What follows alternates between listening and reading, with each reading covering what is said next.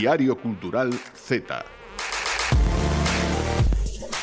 No Diario Cultural Z xa abrimos uns cantos melóns, pero creo que aínda non falamos dun autoengano que practicamos moito o das actividades que facemos ás veces por ocio, pero outras veces por encher espazos de tempo da nosa vida que de outro xeito acabarían un pouco esmagados polos pensamentos. Porque como de mal ten que estar o mundo que precisamos facer, facer e facer para non pensar. Por exemplo, o de ordenar os libros hai a quen lle serve para ordenar as ideas, pero tamén está a opción de ordenar os libros como pasatempo para non ter que enfrontarse a ordenar as ideas, ou é que non las desordenan outros. Ou diría máis, a ver se vai ser que persoas do noso redor pensan que teñen as súas ideas tan ordenadas que en realidade o que están é cuadriculadas. Pensade na vosa actividade de autoengano cerebral que xa vos digo que seguro que ten que haber unha E moi benvidas a este Diario Cultural Z, unha semana máis, hoxe acompañada de Marta Coira. Hola, moi boas. Cal é a túa actividade de outono, Marta? A miña xogar ao Zelda. Vale, porque iso xa tes asumido así. Si, suprasumido é un momento no que non penso nada máis que no xogo, que me desactiva por completo.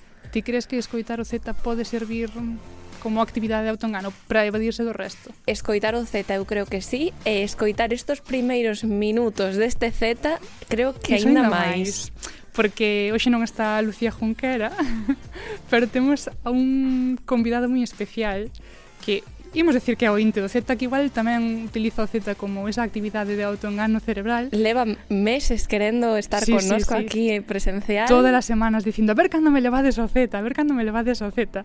E hoxe está aquí, Alfonso Pardo, que tal? Hola, compañeiros, boas tardes, que tal? Que che parece? Maravilloso. Do es... millor que se fai na radio. Isto non Ay, está pagado, eh. gracias. Eh? Eh, dá gusto escoitarvos, dá gusto vervos, pero de Z non teño nada. Bueno. Eu xa son... De que xeración és? De que xeración son? Pois pues mira, acordaste cando acabe... Como te vas a acordar? Eu son da cando había que ir a mecanografía. Ben. Eh, pero eu fun a mecanografía sí, tamén, eh? Vale. nos fomos, nos eu cando o mecauín, ou como se chamaba aquel programa. Eu cando cheguei á radio non sabía nin escribir a máquina. Pois pues agora aprender de nós. E agora vexo vos, e a verdade é que é un placer vervos Grazas por estar aquí, que me sinto rarísimo. Estás máis nervioso ti que estás como fora de, de lugar, porque ti porque moito, estou, moito plato non pisas. Estou fora de lugar, é que para min isto eu, debe ser a novena, décima vez, é que isto é outro mundo, é o vosso mundo, voso de xornalistas de 360 grados, eu xe non chego nin os 30. Mira, ti estás hoxe aquí tal. para que, que vas nos falar de videoxogos, no, porque non entendes, vas nos falar de tecnoloxía tampouco, de estabas asustado porque non saberías de que falar con nós, pero teño unha pregunta moi interesante, ti sempre fas o convivir Deportivo, que é un programazo, todo hai que dicilo, e vas polos concellos, e, bueno, facendo aí un, non sei explicarlo, un popurrí dun deporte con moita xente ao redor. Como ves a xente moza, a xente Z galega hoxendía no deporte? Hai talento? É a das grandísimas sorpresas. Hai talento e están preparados. E además sans. Vida saudable sin ir máis longe, a última o programa que gravei foi en, en por exemplo, eh, bueno, non estiveches ti no teu concello, pero dixemos a ese a Marta. Pero Hai que quede último, claro, eh, Marta. O último de Vilaboa, eh, xente nova, xente preparada, xente responsable, a verdade é que os vexo maravillosamente ben. E talento, comecei cunha nena con 15 anos, Irene Blanco Tarela, hoxe campeona, campeoa do mundo en mm. alterofilia os nenos teñen talento e ti tes visión de futuro, podemos decir. Do convivir eh, deportivo doyes un pouco de boa sorte, sí. A verdade é que sí, eh, porque están sucedendo nenas e nenos no programa este último, por exemplo, de Vilaboa, unha nena eh, que se emocionou con 12 anos, comunicaronlle, xa o sabíamos, que ia ao campeonato de España de canoa. Eh, eh, bueno, pois pues unha nena con 12 anos. En claro, o convivir deportivo tamén descobre talento Z. Eh, por eh, aí eh, por Galicia adiante. Por exemplo, vos, contigo ainda non te coñecía, Silvia, sí. entón non pideches vir a Castro Verde, virás, porque hai, hai que volver a Castro Verde, en Castro Verde, entre outras cousas, tedes eh, un dos grandes do deporte mm -hmm mundial e galego, que é o que colocou as, as, as Olimpiadas neste país, que Ramos Misione, a parte de Chilares e moitas outras, pero bueno, Castro Verde xa estivemos, Pero dona Marta si sí, estivo. Eh, ten Steven talento, Catoira. Ten, Ai, ten, moitas en Catoira, gracias. Eh, ten talento porque que ademais, a marxe de que sodes estades preparadas, sabedes tecnoloxía, sabedes falar galego, entoades ben, fa, falades inglés. Pois, pues, inglés. e que o tedes todo, tédelo todo. Te, eh, vos tedes que estar facendosas de como estades eh, formadas e os vosos pais. Porque o esforzo que fixastedes agora está, estades recollendo a recompensa. Silvia, por que tardamos tanto en traer Alfonso ao programa? Claro, que isto sube autoestima. Que, esto... Hai que facer eh, un crossover, o convivir deportivo Z, que Mira, parece? Silvia, eu, eh, eu entrei nesta casa no ano 85. Eu nunca tiven un amigo nin amiga que coñecera, é dicir, é do olfato, máis ou menos, da visión, do que ves, de como me formaron a min e o que vas vendo. E isto Non falla. A, a radio ou a ves ou non a ves. A radio ou vales ou non vales. Ou comunicas ou non comunicas. Punto. Podes escribir moi ben, podes moito podcast, non sei, eu non sei cantos anos tardei saber mandar un correo. Iso está maravillosamente ben, pero a radio ao final hai que escoitala. Hai moitas maneiras de facer chegar. radio e de escoitar radio e aquí tamén o facemos dun xeito diferente no Diario Cultura de Feta. É que saibas que para min é un dos Sario Marta tedes historias maravillosas, eu cando podo escoito. Pois mira, Fiel quédate, ointe. quédate hoxe a escutar porque temos temas moi interesantes. Xa falamos agora de deporte e cultura contigo, moitas gracias Alfonso, pero imos falar tamén de política e cultura, porque temos a un dos creadores do podcast Carretando que levan aí semana tras semana despois deste proceso de campaña electoral. E, e van con, seguir semana tras sí, semana. O que queda por diante. Desa, dese anuncio electoral seguirán. Así que falaremos con eles de que lugar ocupa a cultura na política e nas campañas electorais dos políticos galegos e estatais. E temos máis temas? Eh, temos, por exemplo, en videoxogos, non vou falar de ningún videoxogo, vai vir, vai vir, vai estar con nos Carlos Dorado, que é deseñador de videoxogos eh, do estudo Caramelo Videoxogos, que nos vai a contar, bueno, ese premio que recibiu hai dúas semanas e todos esos pequenos traballos que le estás a, facendo, porque é un dos talentos galegos do momento eh, deste ámbito. Teremos tamén a colaboración de arte con Sara Donoso, que falará con Rosa Neutro sobre Land Art, que xa veremos o que significa eso, e sobre creación comunitaria ou co-creación cunha nena de 9 anos, así que tamén un pouco interxeracional por esa banda. E Jesús Silva témolo de enviado especial no este 8 da Coruña falando coa cineasta Rita Morais. Imos comezando.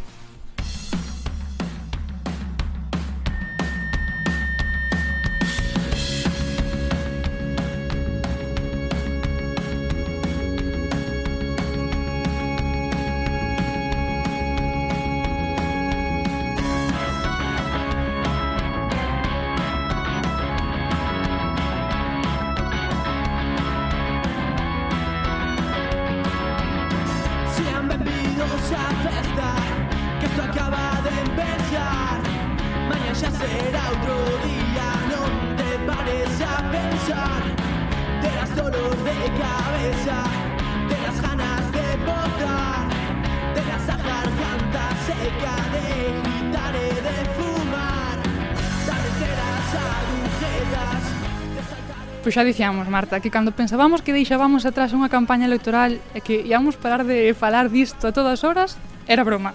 Era broma porque resulta que volve a haber eleccións, así que volta a burro trigo, volta a falar de precampaña, campaña pro bo e pro malo, eh? que hai xente que disfruta moitísimo con isto seguro que o noso seguinte convidado disfruta un montón, pero eu daría todo por ter un vídeo grabado como hai de Angels Barceló da súa cara cando anunciaron as eleccións porque debeu de ser tamén un máis traballo, máis traballo outra vez, outro mes máis continuando, outros dous meses, madre mi, miña madriña. Román Varela, que tal? Hola, bueno, un pouco devastado polo polas eleccións, menos mal que Rueda se contuvo aí e eh? non fixou outras no medio xa, porque... Ser demasiado. A ver, poderías nos mm, reproducir agora a tua cara? Tipo Ángeles Barceló, cando te enteraches de que había outra Estabas na casa tranquilamente, estabas por aí... Eh, casi igual, o sea, foi devastador. Puxenme enfadadísimo, dixen que sentido ten isto, eh, pero na, o sea, a ver, ao despois dixen, bueno, a ver, mellor así, primeiro van, xa, xa van todas xuntas. Eh.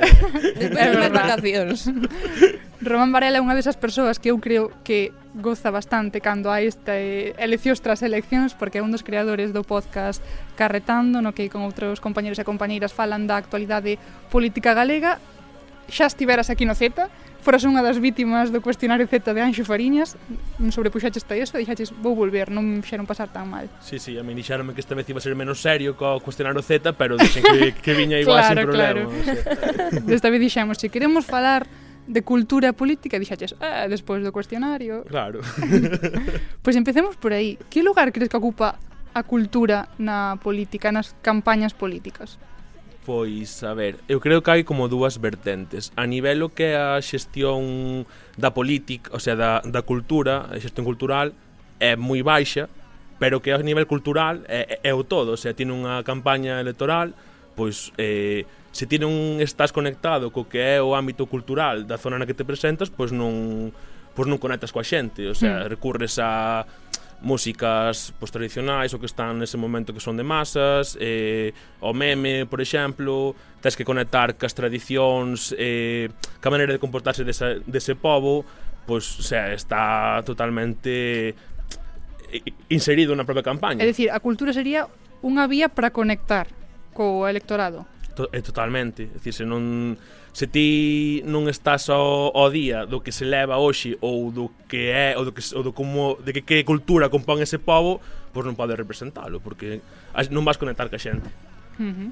Pero despois sí que é o que é a xestión cultural, pois non ocupa un espazo moi grande, é dicir, É non hai políticas que... culturais, vamos, non se propoñen políticas culturais. No, eu viño pensando antes, é algo absurdo, porque ao final ves, por exemplo, sobre todo en Galicia, que, bueno, igual aquí meto a pato non é así, pero eu creo que a cultura vive moitísimo do que é a, a xestión pública, do que son as subvencións, mm. o sea, se non houbera subvencións, pois prácticamente casi nada podería seguir adiante, igual que en España, eh, obviamente.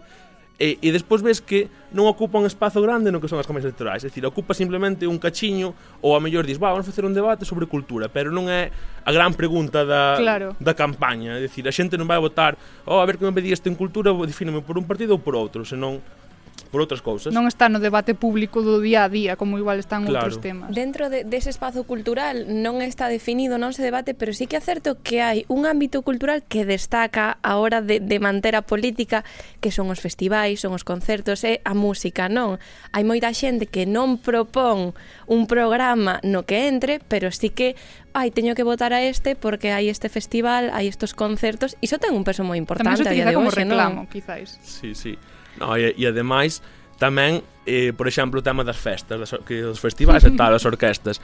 Eu este fin de semana, o fin de semana previo as, as, as, as eleccións, vin que había eh, orquestazas en algúns sitios, en algúns concellos que distía aquí porque era unha festa hoxe, pois, pois porque hai eleccións mañá, ou non tampouco, pero bueno, que era moi importante, ou por exemplo en Oroso había a festa da, da Troita a hmm. semana anterior as, as eleccións, ou incluso en Santiago da Ascensión, pois é moi importante cuidar moito, moito as festas dese ano que hai elección, porque senón igual eh, che costan... Xa as do ano seguinte, pois pues igual dan un pouco sí, sí. igual, non? Plan, reparte o orzamento aí un pouco entre un ano mal ou outro, pero ese ano teñen que ir chapó. e xa que estamos aquí no Diario Cultural Z, fanse políticas culturais pensadas e dirixidas para a xeración Z? Eh, a ver, eu creo que se intenta, pero é que é como unha mirada super exterior, super de, va, isto gustará aos chavales pero como que non acertan. E outro día choquei con unha realidade moi forte que foi unha persoa dun partido díxome non sei para que vos esforzades tanto no da xente nova porque a xente nova non vota e claro, eles teñen a súa visión esa de que é que non participamos, non hmm. votamos, hmm. entonces para que llevo preparar? Mellor fago unha cousas para xente maior que, o que sei, pois pago o inserso, subo as pensións e a xente moza pois que faga, que decir, non vai votar, a mí dame igual o que fagan. E se hai políticas culturais para xente moza, A ver, inténtase, pero eu creo, ou a nivel xeral cae como de 0 a, a 10 eh, como cultura para nenos mm -hmm. e familias e eh, nenas e logo a partir dos 50 hasta os 90 anos a top, sen aquí, contando tamén que sei, os festivais, mm -hmm. decir, pero que non o grosso grosso a nivel nos concellos, por exemplo, están no que é familias e xente maior. Uh eh, -huh. É dicir, os programas de xestión cultural de, de institucións públicas non recollen realmente políticas e propostas de ocio, entretemento, culturais para a mocidade ou non de xeito mm, potente, digamos. A ver, eu creo que a nivel, por exemplo, provincial ou da xunta, sí, pero que a nivel concellos, é o que percibo eu, tampouco uh -huh. que son aquí un experto de nada, pero que, que, é que menos, eu creo que sí, que menos que se descoida falamos eh, de cultura, sen dúbida é un dos puntos importantes que nós temos que ter en conta a hora de decir o noso voto de optar por un partido, pero cales dirías ti que son as outras claves da xente moza, da xente Z, nas que nos temos que fixar? A hora de, teño eleccións locais no meu concello, que é iso imprescindible para min para que se leven o meu voto? Que dirías ti? Eh, cuestións de mobilidade, cuestións de zonas eh, verdes, política urbanística, eh, que decir, a ver, non é algo fundamental, pois eso, da cultura das festas e a mellor algo de emprego. Claro, iba a dir, por exemplo, sí. emprego, non? Que é algo que falta a xente moza hoxe en día, que nos deberíamos de fixar máis nese, a ver, que iniciativas para, polo menos, meternos un pouco a traballar, saída laboral, non? Pero eu creo que hai unha percepción de que os concellos, como que, ou temos esa percepción de que os concellos que non se decide nada que non teñen case competencias, cando realmente ao mellor non teñen competencias, pero xestionan moitísimos cartos que veñen de arriba e ao final é o, o, o nexo directo uh -huh. ca, cos, co, cos cidadáns e por eso ao mellor pensamos máis ben en emprego, cousas así máis grandes non noutras eleccións e nos locais pensamos nas cousas pequeniñas e que sean tema cultura e, e mobilidade ou algo así pero uh -huh. Eh, mm, abrías antes o melón ese de que se di que a xente nova non vota ou nin sequera está interesada pola política. Ese debate non debía estar xa un pouco superado. Home, eu creo que sí, pero bueno, eh, o sea, a ver, quero, un apuntamento, quero decir, para empezar podemos afrontalo dicindo que hai moita xente, hai moitas candidatos e moitos candidatos ás alcaldías que son xente moza, non? mm. Que se presentaron aí. Sí, sí, sí, o sea, un, un montón eh, ademais, sobre todo en sitios que son eh, ermos, digamos, que non hai casi nada sobre a xente maior, e ves rapaces, rapaces de 20 e poucos anos que din, pois eu vou presentarme por esta lista ou meterme nesta lista, participo políticamente e con moitas ganas. E despois, pois sí que ves que a xente eh, eh, que eu creo que hai un problema aí co tema institucional ou non. A mellor sí que non imos votar, como poden ir nosos abuelos que di, oh, vou votar tal, é como algo que é sagrado, mm. pero nós a mellor é como, bueno, vou xa a manifestación esta ou vou, que sei, non sei, a facer algo, pero a mellor non vou votar os días eleccións, porque non sei por qué, porque non me sinto representado, que esa outra cuestión tamén moi interesante, xa. o tema da representatividade política da xente moza, mm -hmm. e, o tema de, que sei, bah, son cosas que a mí non me importa, que me quedan lonxe, pero eu creo que sí que participan, que participamos e que facemos parte e que, jolín, pues, creo que nunca tanto se participou a xente moza en política e tan clara tiñamos a nosa, a nosa ideoloxía. O sea, claro que participar en política non é únicamente ir votar o día das eleccións, é moito máis que iso, pois iso, manifestarse, estar en asociacións, en plataformas. Claro, eu, eu creo, eu, creo que igual xeracións anteriores que si que ao mellor se casaban cun partido mm. e hmm. era como de, desde hoxe hasta que morra ao mellor non vou, non vou votar pero son deste partido e nós casámonos máis ben con ideas mm -hmm. con eu opino isto, esta, isto que partido se parece máis este e que partido non, pois non sei Mencionábamos antes ao principio casi da conversación dous puntos moi interesantes que era ti citaches os memes e despois falamos de música que son como os piares da, da comunicación que a xente moza decíamos antes vale, dúas, dúas preguntas, dúas observacións, dúas reflexións que podes facer. Memes, sí ou non, porque hai moitas veces que salen moi mal e música eh, eh, ten que ser moi pegadiza, non? Como a canción da Ayuso Por favor, non, en na, Madrid. non la mencionemos que nos queda aquí todo o programa. No, no, Román. No, no, no. Eh, a ver, eh, uf, hai unha cousa aí, o tema dos, dos, dos memes. Ti faz memes e podes facer un bo meme para que comunique algo bo ou para lograr tal, pero a mellor faz un meme de merda para chamar a atención a que falan de ti. Claro. Quero dicir, eh, uf, que hai moit, hai moitos memes horribles, pero ao final se consigues falar de, decir, a canción de Jose é boa. É pegadiza. É un Funciona. jingle, pero di algo, no. Pero ah. bueno, que decir, é un jingle está moi ben construído, no, a nivel uh -huh. musical está moi ben pero non chino ni nada. E despois tes, a mellor, por exemplo, o BNG de Compostela que fixe unha canción aí super guai, non sei que tal, está mazo currada pois tes as dúas vertentes. Memes si sí, no, pois memes sempre si, sí, porque me parece unha forma de creatividade moi accesible para todo o mundo e participo políticamente todo o mundo. E mola moitísimo ademais ver nas eleccións municipais como de repente aparecen de un mes antes das eleccións perfis falsos aí que fan cousas cutrísimas e dis, "Buah, que maravilla", o sea, disfrútalo moito. Claro, o problema é cando se usa o meme como veña, hai que conectar coa mocidade, con esa mocidade a que non lle interesa a política, entón a única maneira que temos para facelo é usar os memes, usar a súa linguaxe, supostamente, da maneira que eles a usan, pero non se esforzan máis alá. Que teñen que facer os partidos políticos para conectar entón realmente coa xente nova? eh, contratade xente moza que vos faga os memes, por favor. sí, porque despois temos ao señor Barnes con unha gorra indo de moderno e non funciona, vamos. Tal cual, ese, que ese, ese é o problema. E, e joder, que tampouco é tan complicado. E ao mellor podes facer memes boomers para boomers, eh? Pero se vas facer un meme Z para xente Z E lo hace un boomer O máis probable é que salga un meme boomer que se ríen de ti. Que se vai falar de ti, sí Pero que decir, non conseguiches o teu objetivo Falamos moito nesta conversa sobre eh, eh, se a mocidade confía ou opta polas políticas Se se fan políticas para a mocidade Pero teño unha pregunta. Como, eh, Me decíamos antes que había moitos candidatos ás alcaldías Que eran eh, xente moza, xente Z a xente maior confía tanto nos mozos e nas mozas para gobernar, para levar cuestións políticas? Eh, un rotundo no. O sea, ni de coña, esta, en plan...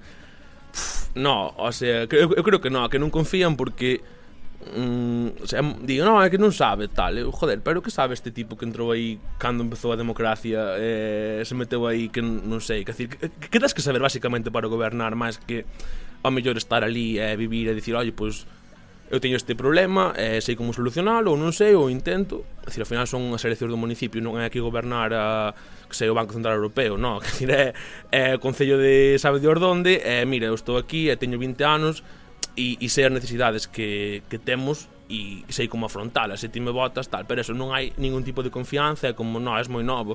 E a mellor xente non que se presenta... Non sabes da vida, nada. Claro, xente que se presenta con 20, con 20 anos, con 24, non jana, pero a mellor cando se vuelve a presentar con 30, é, oh, este chaval é buenísimo, é o mellor botei 40 anos de, eh, de alcalde, para que Claro, o que me acaba de vir a mente escoitándote que non, a xente de Moza non se vota, pero despois hai un moitísimos concellos nos que a xente leva 40 anos gobernando, esos 40 anos son desde os 20. Antes si sí votaban a xente de Moza, pero ahora non. Se votaba. no, pero sí, sí, é, é, é da rabia, porque é como eso, eh, que sei, esta campaña, pois pues, dis, no, é que, buah, que chavala vai aí, dios, é, é buenísima, tal. É como alabando como a que di o mitin que fixo, Eu que sei, o que seña. E despois di, "Bah, pero tan nova, eu non sei, tal. E así é como, non sei. Así. Un pouco de condescendencia e paternalismo, paternalismo tamén nestes casos. Totalmente, sí, sí. Román, estás preparado para a nova campaña electoral? Eh, no. un pouco como a todas, ben, pois pues Estou esa tan preparado como a bueno, non sei, como a nadie, non, non estou preparado, o sea, foi, eh, foi devastador, preparado. pero bueno, polo menos é unhas, son unhas estatais que nos collen así un pouco máis de refilón, eu cando, o sea, pasei no fatal e fun totalmente alles Barcelona todo o día cando dicían, no, é que Rueda ten unha roda de prensa a, unha roda de prensa ás 6 da tarde vai convocar eleccións eu, dios mío, que no, que nos joden o brao, joden a temporada de carretando pero ao final, safamos e ainda por riba, acaba a campaña electoral pasan as eleccións municipais e agora que podías descansar chamamos tenos aquí o Z que clase de persoas somos. Moitísimas grazas, Román, por vir aquí. e eh, o noso público que escoito Z, que escoite todos os contidos en radiogalegapodcast.gal, pero que logo tamén vai a escoitar Carretando, que paga a pena. Moitas grazas. Grazas a vos. Diario Cultural Z.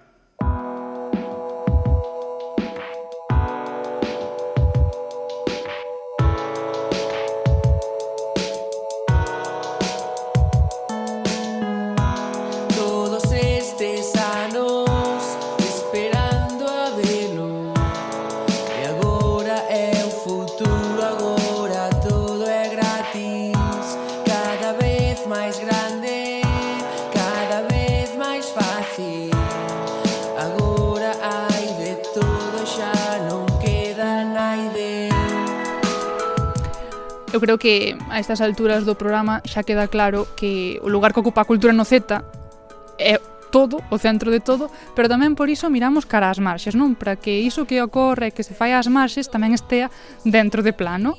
E tanto é así que hoxe o noso colaborador de audiovisual, Jesús Silva, está no medio a medio da Mostra do Cinema Periférico S8. Que tal, Jesús? Como estás? Hola, moi boas. moi ben, moi ben. A verdade é que hoxe tiña ganas realmente de estar con vos aí no plató, pero tócame conectarme de novo dende a distancia, porque Nin tan como mal. No, no, a verdade que non, pero como decías, esta, esta semana celebrase a decimocuarta edición da S8, Mostra de Cinema Periférico da Coruña, e como desta vez non, non conseguín que graváramos o programa dende aquí, pois vou ter que facer de correspondente. Non vale, tanta sorte como en Carballo. adiante, Nada. adiante, temos aí e nos encantadas. Pois o certo a sección de hoxe faime bastante ilusión, porque penso que dende que comecei a colaborar no Z nunca falei especificamente deste encontro. Uh eh, para aqueles que non coñezan ese oito, trátase dunha mostra moi especial dentro do, do panorama galego que apostou dende os seus inicios polo cinema experimental e a creación audiovisual de vanguarda, como decías ti, creación un pouco na, nas marxes centrándose particularmente no formato analóxico.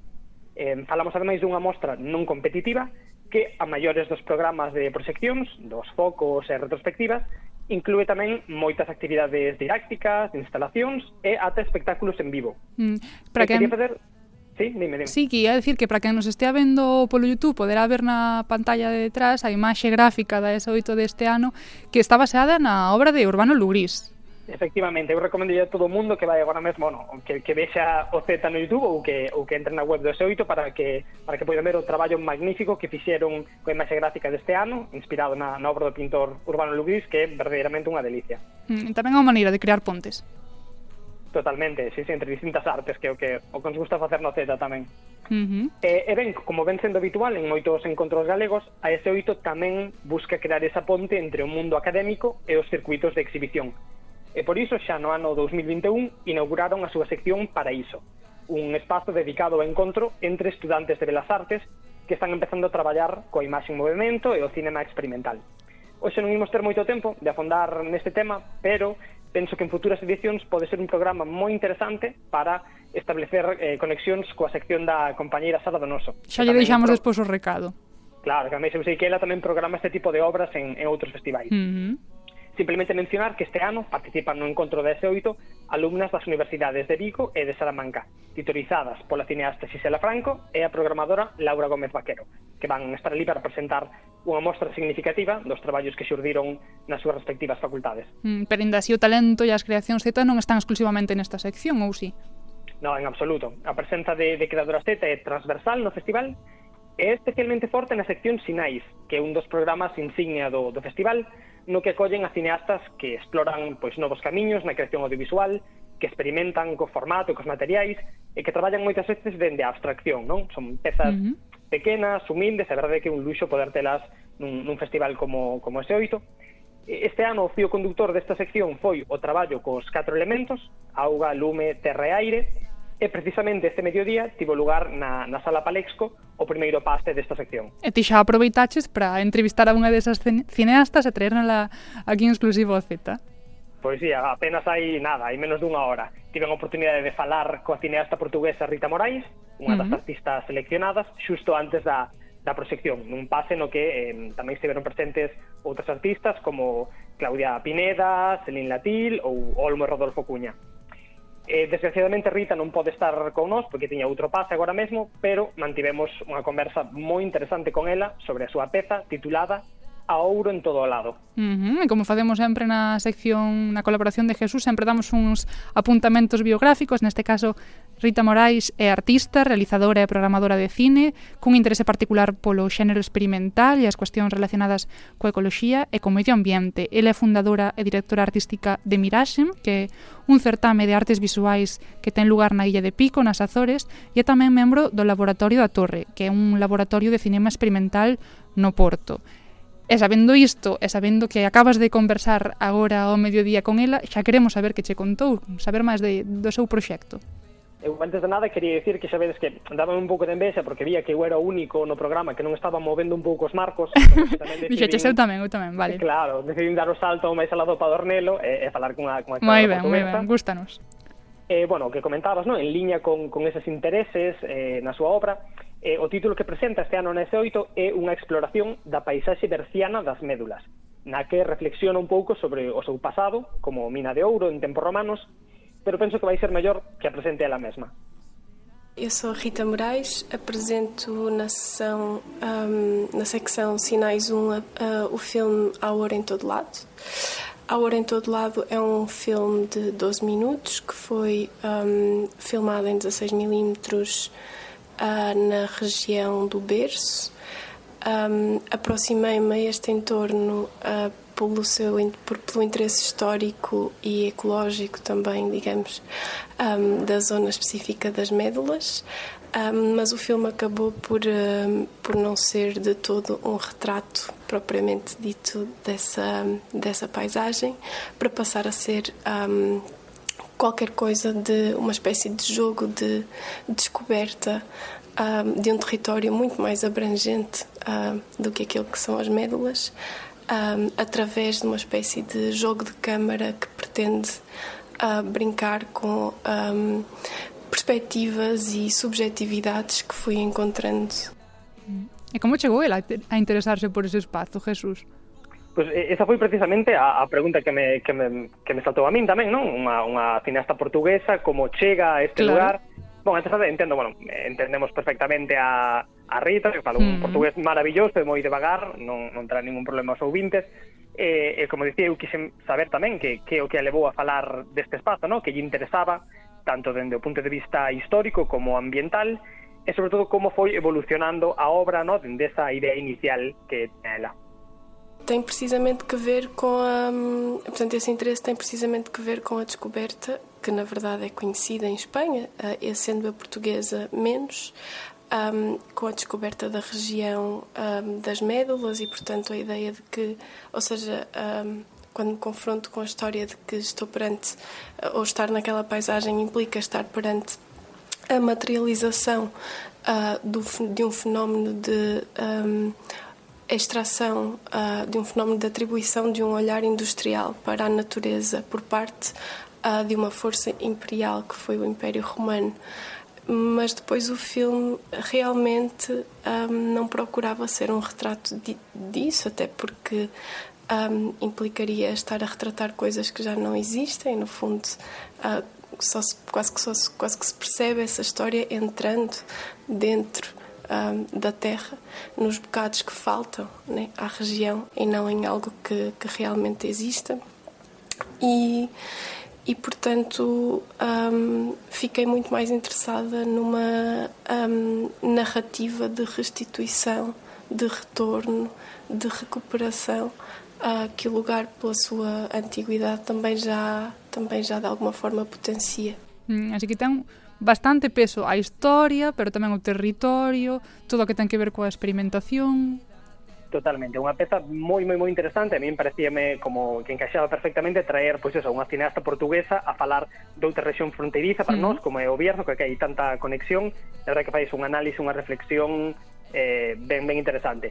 E como dicíamos, a, a este oito unha mostra moi particular no panorama tanto galego como estatal, eh, xa que non hai moitos encontros realmente dedicados a proxectar este tipo de cinema.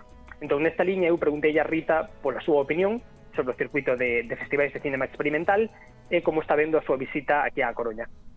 É realmente é um circuito muito específico, hum, mas é um lugar onde, se, onde não só se mostra filmes, desde logo, por exemplo, o S8 não tem natureza competitiva e isso é um alívio. Poder mostrar cinema experimental num contexto não competitivo é, é, eu creio que é fundamental depois para as relações que se estabelecem entre, entre os filmes, as pessoas que os veem, as pessoas que os mostram. Hum, e portanto o diálogo o diálogo que acaba por surgir deste tipo de contextos também é, é outro é um diálogo de, de, a, a, que a min parece extremamente rico. Mas iso é interesante, non? Que nos festivais tamén se poida desfrutar das pezas e das creacións sen esa parte de competición, simplemente desfrutar por desfrutar. Como seguro que ti fixeches, Jesús, que nos das un pouco de envexa. Absolutamente, eu aproveito polo menos a que teño que conectarme na distancia e botarvos de menos, polo menos para paliar iso, pois vendo, vendo o cinema, cinema experimental, como decimos, que, que non podemos acceder a ele tan facilmente moitas veces e que temos unha mostra mm, como ese oito aquí na Coruña que é un privilexio. Así que animar a todos os ouvintes a que, a que se pasen por aquí. Este ano igual non chegan, pero senón para o que ven seguro que teñen unha programación igual ou máis interesante aínda. Seguro que si ti aproveita ben o tempo aí e xa non lo contas a volta que nun par de semanas volvemos te ver por aquí. Moitísimas grazas, Jesús. Gratiñas a vos, que vaya ben.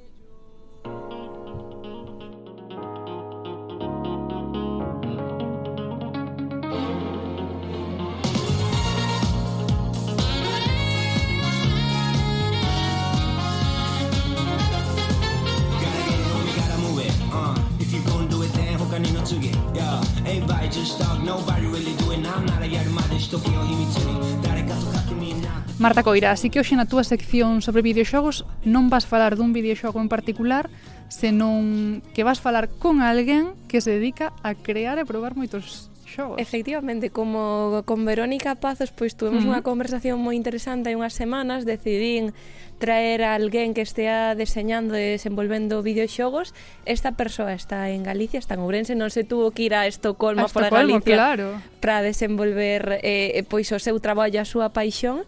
E mira, vou xa presentar ao noso convidado, ele é Carlos Dorado, é artista audiovisual porque aparte de deseñar videoxogos, pois ten publicado varias curtas e varios documentais, é no terror dos videoxogos fundador e integrante do estudo Caramelo Videoxogos e gañador desde hai dúas semanas semanas do premio Eti Ubigo a mellor localización en galego.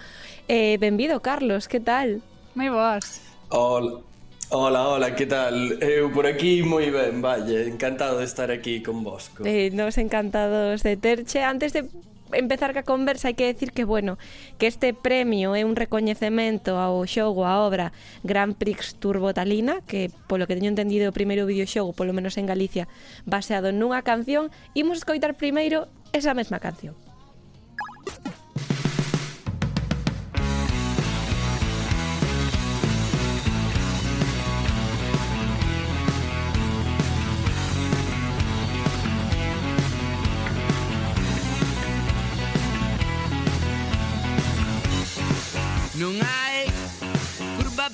perigosa Non hai tempo que perder Non hai, non hai sitio mellor Que estar o teu caro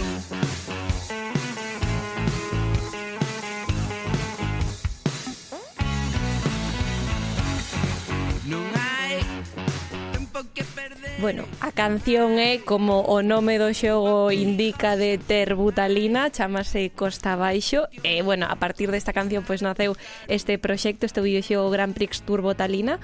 É un premio máis que merecido, eu non sei se ti o agardabas, pero bueno, sempre está ben que che recoñezan o traballo, claro, non? Claro, parabéns de parte do equipo do Z. Eh, graciñas, graciñas. Eh, bueno, a ver, eh, non agardaba en gran parte porque eh, descoñecía que existían estes premios, vaya, esta segunda edición. Empezando por iso, claro. Eh, claro, entereime pola propia nominación, porque, bueno, enviarme un correo electrónico, estás aquí na preselección, tal, e dixen, va, que guai. A partir de aí, sí que investiguei un pouco eh, neste premio e, bueno, tamén no propio curso que ahora están xa cas prematrículas e demais de localización mm. de videoxogos, Eh, bueno, a partir de aí sí que vin un pouco os outros competidores e demais, a ver, este xa o contei tamén no Diario Atlántico, Eh, non é tampouco nin moito menos por desmerecer outros traballos, pero que eso, o Gran Prix Turbotalina ten eh, moita esencia galega porque ao final é eso, un grupo galego como Turbotalina que canta en galego, ambientado nunha festividade, neste caso de Esteiro, no Festival das Carrelanas mm -hmm. de Esteiro, que ten moito mm, máis alá, é que defin, en sí o xogo é que está só en galego porque está pensado, claro, para un público de aquí de Galicia, público seguidores de Terbutalina, entón por aí, claro, ao final o uso da linguaxe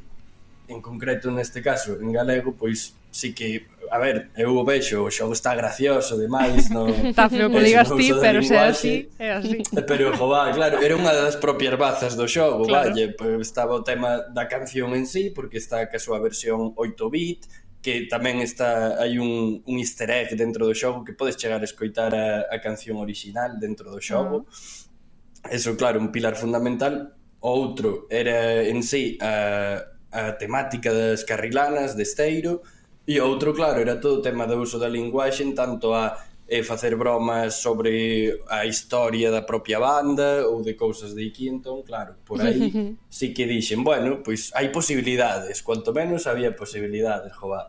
E, eh, bueno, así foi, que levamos o premio e, eh, vaya, moi contento. Xa, xa eh, fuches ti explicando agora por aí un pouquiño no que consiste este xogo, un xogo de tes que ir nunha carrilana das de, das de Esteiro, e aparte de escoitar a canción teño que dicir que podes escoitar eh, unha das voces dos integrantes tamén narrando, porque eu mes na Frei ah. cinco veces, as ah, cinco veces xogache. que mes, si, xoguei, as cinco veces que mes na Frei, podía escoitar a voz de, de quen? Quen é esa persoa? Eh, Miki Cernadas, é o cantante, Eh, que isto tamén foi, claro, unha cousa que a min eh, facíame moita ilusión, porque eu son moi fan da banda, xa o, van, o era de antes, pero de moito antes, vaya. E a mí que en concreto eh, coñecía o de termo encontrado en festivais e demais, así, pero entre o público todo, incluso en Ourense, porque na sala na que máis tocaban, pero ahora xa hai tempo que non veñen por Ourense tamén, era en el pueblo, que tamén é na sala na que tocaba eu carmiñar bandas. Entón, claro, desas cousas, entre ser fan e tal, e, e en concreto da banda, como que quen máis coñecía así un pouco era a Miki, pois fíxeme moita ilusión. Un día o que fixemos foi, bueno, dentro do desenvolvemento todo do xogo, eh, propuxenlle a Patri, Patri a manager deles, eh, a idea de incluir a voz de Miki, para facer como unha personaxe que é o comentarista, basicamente, uh -huh. que neste caso intégrase sendo un obstáculo máis, é un obstáculo visual porque aparece polo medio da pantalla, e o millor cubre certas zonas para que non poidas ver de todo ben, e tamén despista porque vai dicindo distintas cousas que penso eu tamén que teñen a súa gracia, mm. vaya. Confirmas, eh, de, de feito, incluso, eh, mm. a xente que lle guste esa parte máis da, eso das coñas que hai con Miki e tal, Incluso hai unha especie de making of de cando gravamos as voces ali todo no, no meu local de ensaios. Anda ali por Youtube, se buscades guateque de gravar unhas voces, algo así, debe aparecer vale. en Preston Botalina. Vale. Algo así por YouTube eh, hai. Guate que de buscar unhas voces, Terbutalina, Caramelo, de, de gravar, con Q, de gravar, de gravar, de gravar e aí podemos sí. atopalo. Temos que decir que estamos falando deste videoxogo porque co que acabas de gañar este premio, petites outros catro que se chaman A xungla do Nadal, 100.000 metros homicidas, Gira gira, Ojo por ojo. Intentei non xogar todos para estar ben informadiña para para esta entrevista. Podemos definilos un pouco como casual games, como como dirías ti que é o teu estilo? Eh, sí, claro, eu o fin e cabo eso, son unha única persona por norma xeral no estudo, logo sí que colaboro con, con outros artistas que normalmente son amigos, vaya, eh, sobre todo para a parte musical, porque vaya, eu tamén toco, pero eu só toco parte rítmica, son batería, eu de notas e esas cousas non entendo, entón preciso de músicos serios. Pero, claro, os meus xogos son eh, arcade, o arcade de consolas arcade de toda a vida, pequeniños e, bueno, sí que cada un ten o mellor un xénero distinto, hai un rollo máis plataformas en ollo piollo, en mal de ollo, tamén teño esto en Le Runner, como pode ser Gran Prix Turbotalina ou os Mil Metros Homicidas, eh, tamén teño un de puzzles, esta vez aquí, quen o vexe no, na imaxe aquí mm, arriba, sí.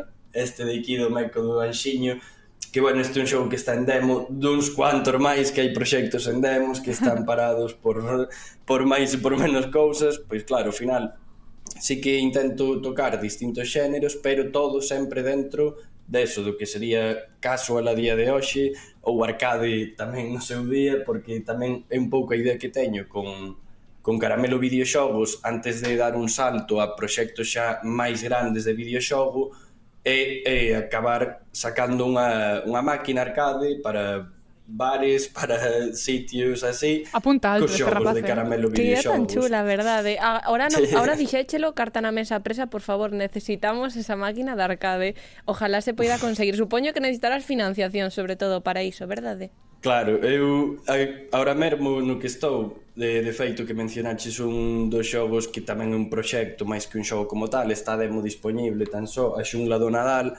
Eu agora mesmo estou a buscar financiación para pasar cun seguinte proxecto, basicamente, e claro, no de mentres o que vou facendo é pulir as demos estas que teño pendientes, e así cando chegue o meu número que teño pensado é 7, Pois cando teña sete xogos mm. completos, porque a día de hoxe como completos contaría tres, mm. non tantos, pero bueno, cando chegue a cifra de sete é cando pretendo xa aí sí que sacar esta máquina.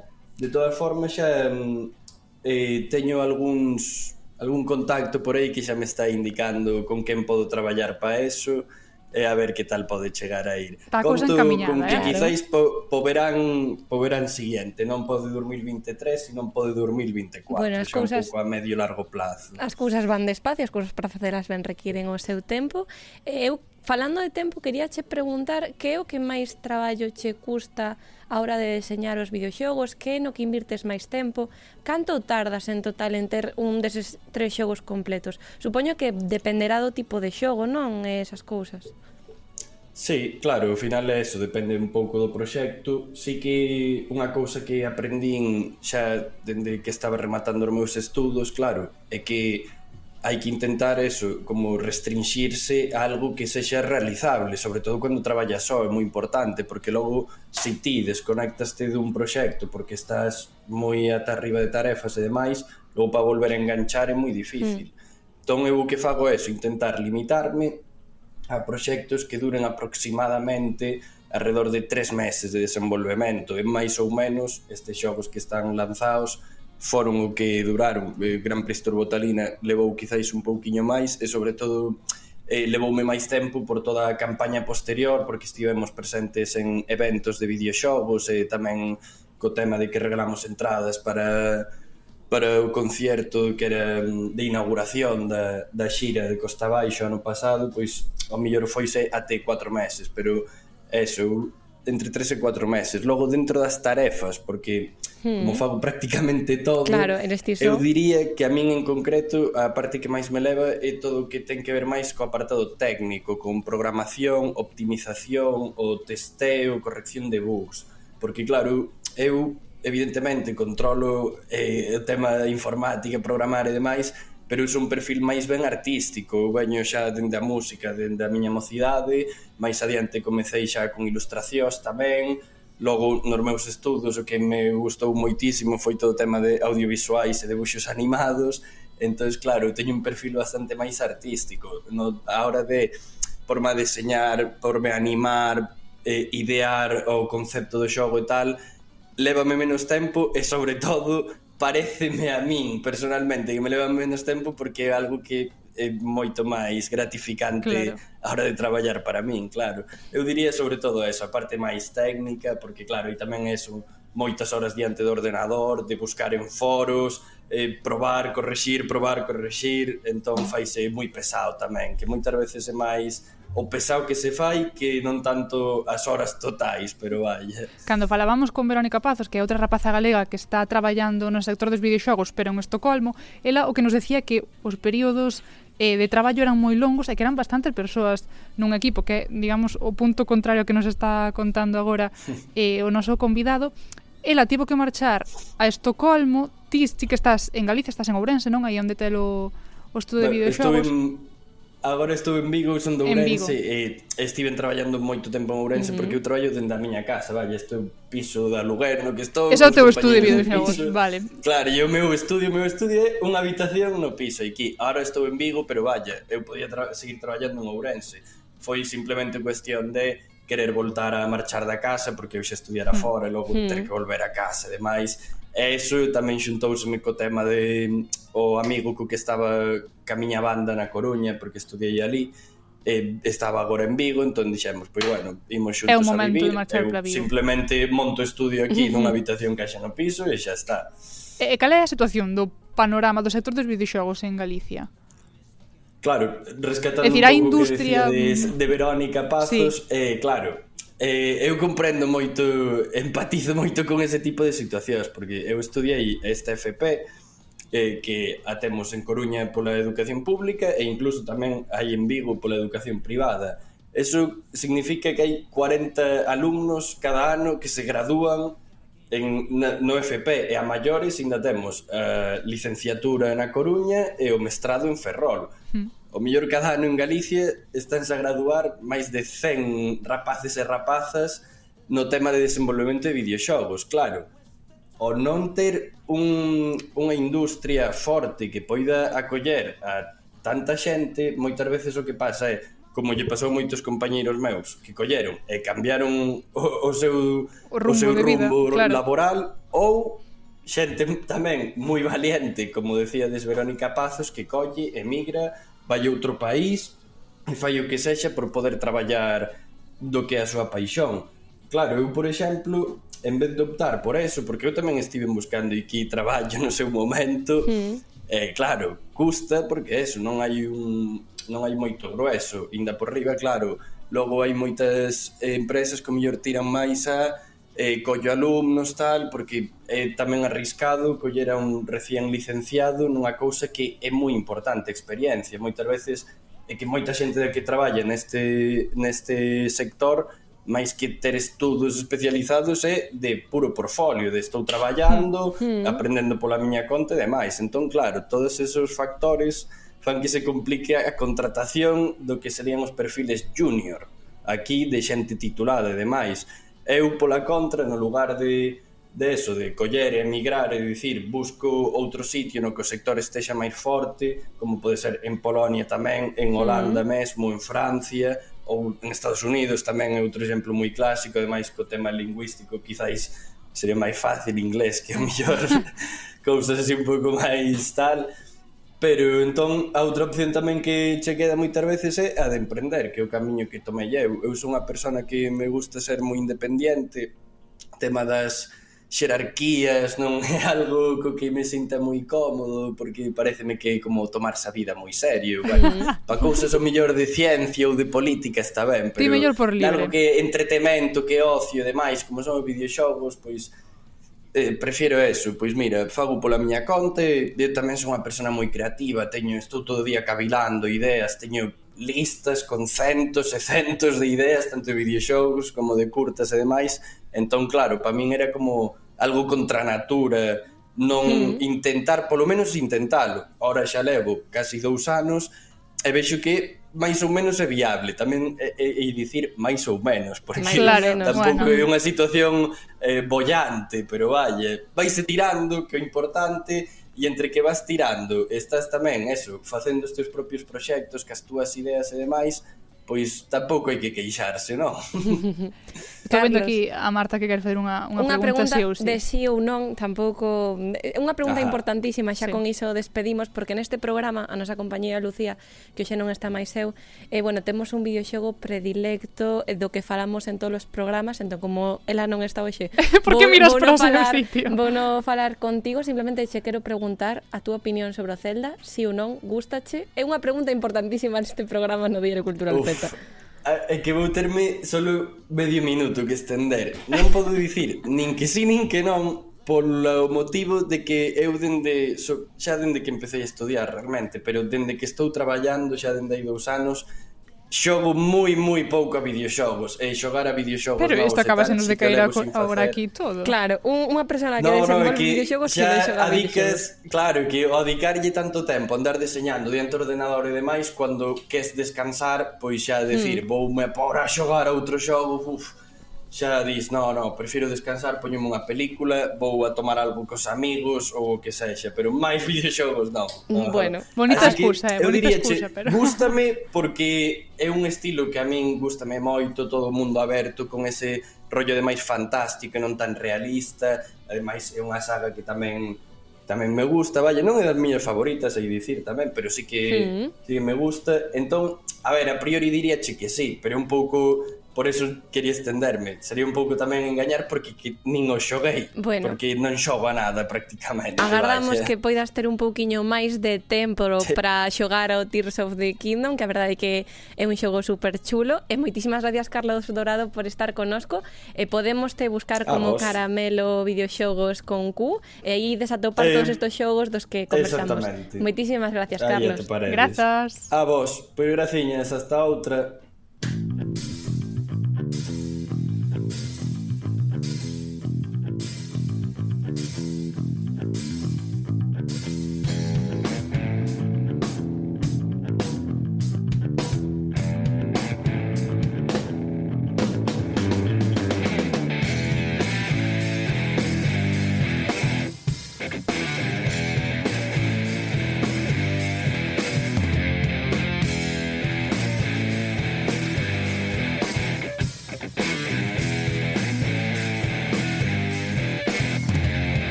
Imos seguir falando aínda un pouquiño máis de creación galega, pero agora dende as artes plásticas e visuais coa nosa colaboradora Sara Donoso. Moi boa, Sara, que tal? Moi boas, que tal andades? Que saibas que Jesús Silva xa che deixou un recado entre creadoras e creadoras que estivo vendo ali nese oito e dixo isto para Sara Donoso ten que valer, algún día ten que falar disto. Así que bueno, hai que tomar que, nota. Xa sabemos que no ese oito hai, hai moitas cousas interesantes en canto a creación artística plástica tamén. Eh, pois, bueno, falando un pouco tamén de, de creación plástica e de hibridacións non entre disciplinas, que xa estábamos a falar de que aquí no Z encanta nos esta, esta temática, uh -huh. hoxe imos contar con Rosa Neutro, que está estes días a traballar moi duro no Museo Pazo de Tor, en Lugo, dentro das residencias Lanar, de creación comunitaria. Non sei se vos sonan. Non teño nin idea de que ven sendo isto. Bueno, pois conto vos, conto vos. Son unhas residencias impulsadas eh? pola rede museística... Sí, está ben.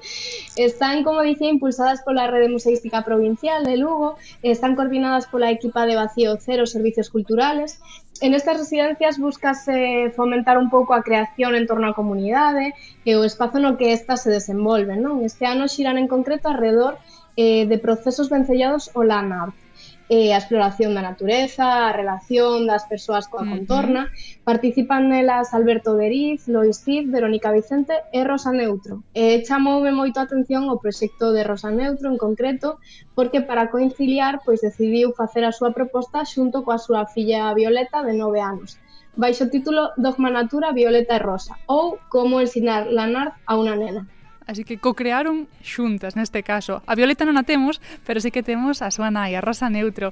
Moi boa, Rosa, que tal, como estás?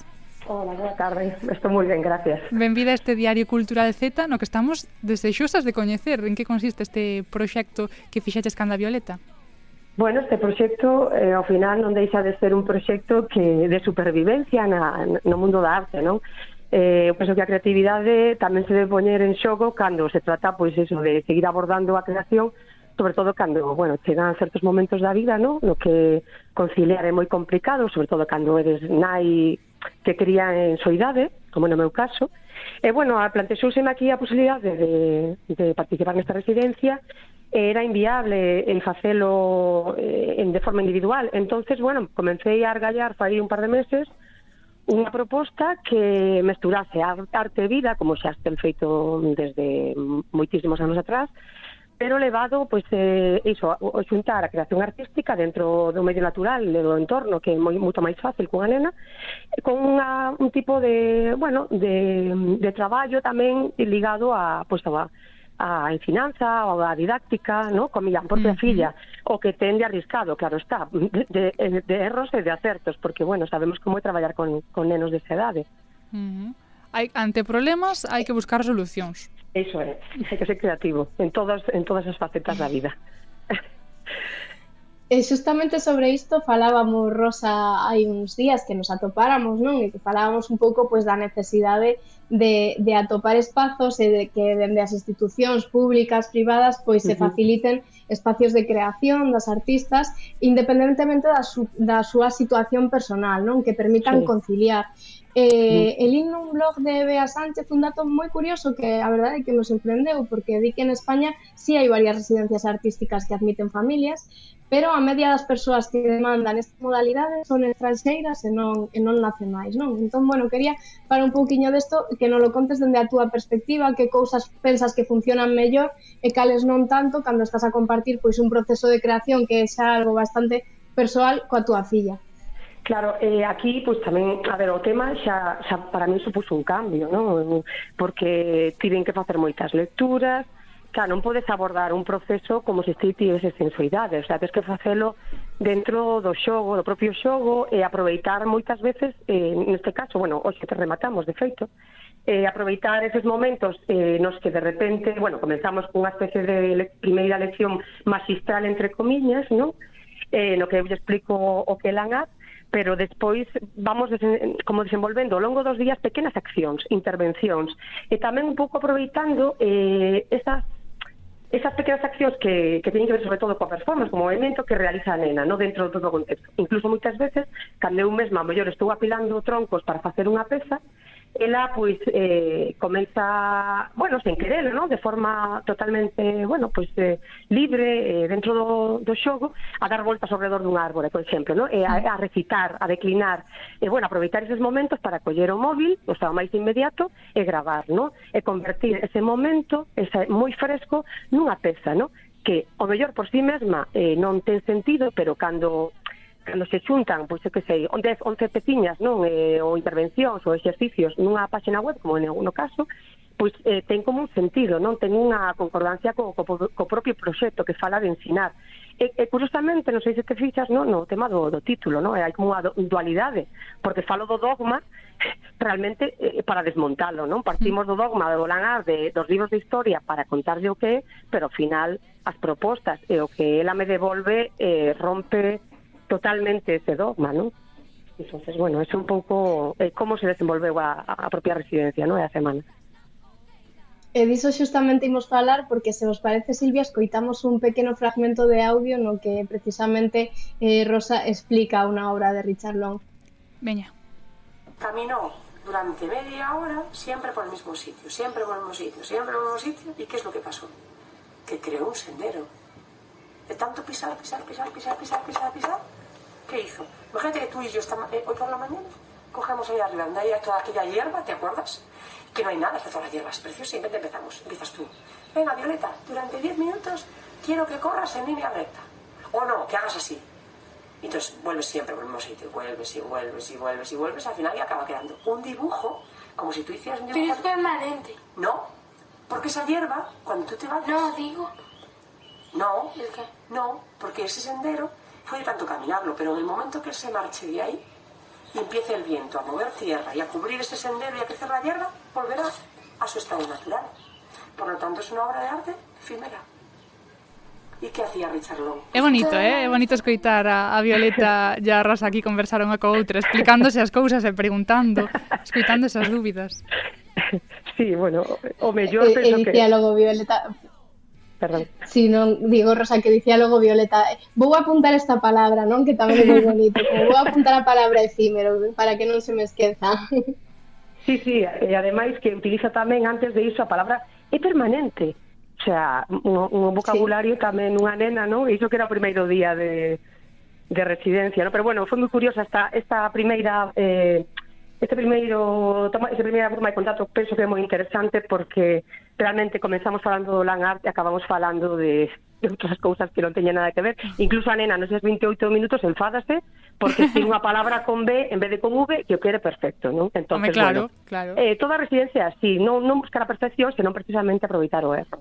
Mm. Non, e a espontaneidade. E, eh, e eh, logo, de feito, Eh, bueno, podedes ver todos estes pequenos proxectos na página web de, de Rosa Neutro porque foi subindos e hai un vídeo tamén moi chulo no? Que Violeta pois comeza a camiñar para trazar esa liña un pouco na inspiración non de, de Richard Long. Eh, e chega un punto que se farta eh, e, e deixa de camiñar e Rosa ti comentabas pero por que das a volta aí? Ela di, porque non quero facer un camiño tan longo entón, o que falabas de desmontar o dogma ao final o lanarte nesta cousa de experiencial de de como a obra cambia polos fenómenos atmosféricos, pero tamén de esa sensación de inmensidade da natureza, non todas estas uh -huh. cousas románticas que aquí se desmontan porque eh, hai un componente de, de que non se sabe o que vai pasar, pero é un componente humano, non? Sí. Mais, máis cercano realmente. Claro, e, e sumamos ademais, o sea, o que sea unha nena de nove anos, o sea, imprevisible. Claro. Moitas veces falábamos de facer algo e facía o que lle daba real gana, non? Entonces, bueno, eh, isto tamén é parte do proxecto, o sea, de, de subvertir un pouco o que a idea do Lanad e eh, dos grandes artistas, eh, bueno, que, que ao final cando un repasa a historia da, da arte, ve que prácticamente no lan igual que na fotografía de rúa, non hai prácticamente mulleres, non? que aí teña que ver precisamente porque non encaixa nin os tempos, nin a precariedade, nin bueno, outros factores que teñen que ver coa conciliación, non? ou con levar a un neno contigo para facer este tipo de arte. E penso que é importante non falar de isto. Sí, eh, tes pensado darlle continuidade a este proxecto de algún xeito, facer alguna peza a raíz de todo o material que fuchedes creando? A ver, eh, isto para mí xa supuso un cambio, non? Porque xa últimamente mm, estou perdendo un pouco mm, o interese en, en generar obxetos, non? Entonces, penso que este proxecto mm, eh, vi un, moi ben para precisamente eh, meterme nout, noutros terreos da arte, non? Que teñen que ver máis coa experiencia e que penso que me vai facilitar eh, poder continuar facendo arte, non? Eh, porque, bueno, eh, como xa sabedes, eh, facer arte, combinar isto coa vida diaria, ser nai, e, eh, bueno, todas as necesidades que ten é moi complicado, sobre todo se pretendes vivir isto en Galicia, non? Entonces, bueno, sí que eu penso que aquí hai un sermen de algo que, que pode crecer, me gustaría desarrollar, non sei se por este por este tema do Lanar, pero sí tamén cara a outras mm, eh, bueno, a outros temas, Pero, bueno, tampouco sei. Eh, tamén dependo de Violeta. Eh, porque sí que é certo que ten que ten que querer ela, porque se ela non quere... Claro, eh, é que isto é unha eh, coautoría no total. Como? Perdón? Unha coautoría total. Aquí sí, tens que estar as dúas sí. de acordo. E, e ademais, entonces, outra cousa da que non falei, no, que aquí eh, o, o proxecto de partida é ensinar, el aprender, pero eu penso que todavía, o sea, temos que darlle a volta, eh, tamén a inversa, ela tamén me ensina a min, eu teño que aprender tamén a crear desde esta forma, abrirme a ese azar impre, imprevisto que me aporta ela, ¿no? e saber coller o que realmente é fresco eh, e pode ter un, un certo valor artístico e que non, ¿no? Entonces eu tamén teño que aprender a crear dende este lugar. Mm. Así ¿no? que poderíaselle dar un pouco a volta a este título do vosso proxecto? Podría ser Dogma Natura, Violeta Rosa ou como Aprender Lanart de mans dunha nena. Pois tamén, sí. Moitísimas grazas, no Rosa. Moitas grazas a vos. Un bico grande e outro bico para ti, Sara. Escoitámonos a xiña. Nada, un bico para vos. Un placer. Mm.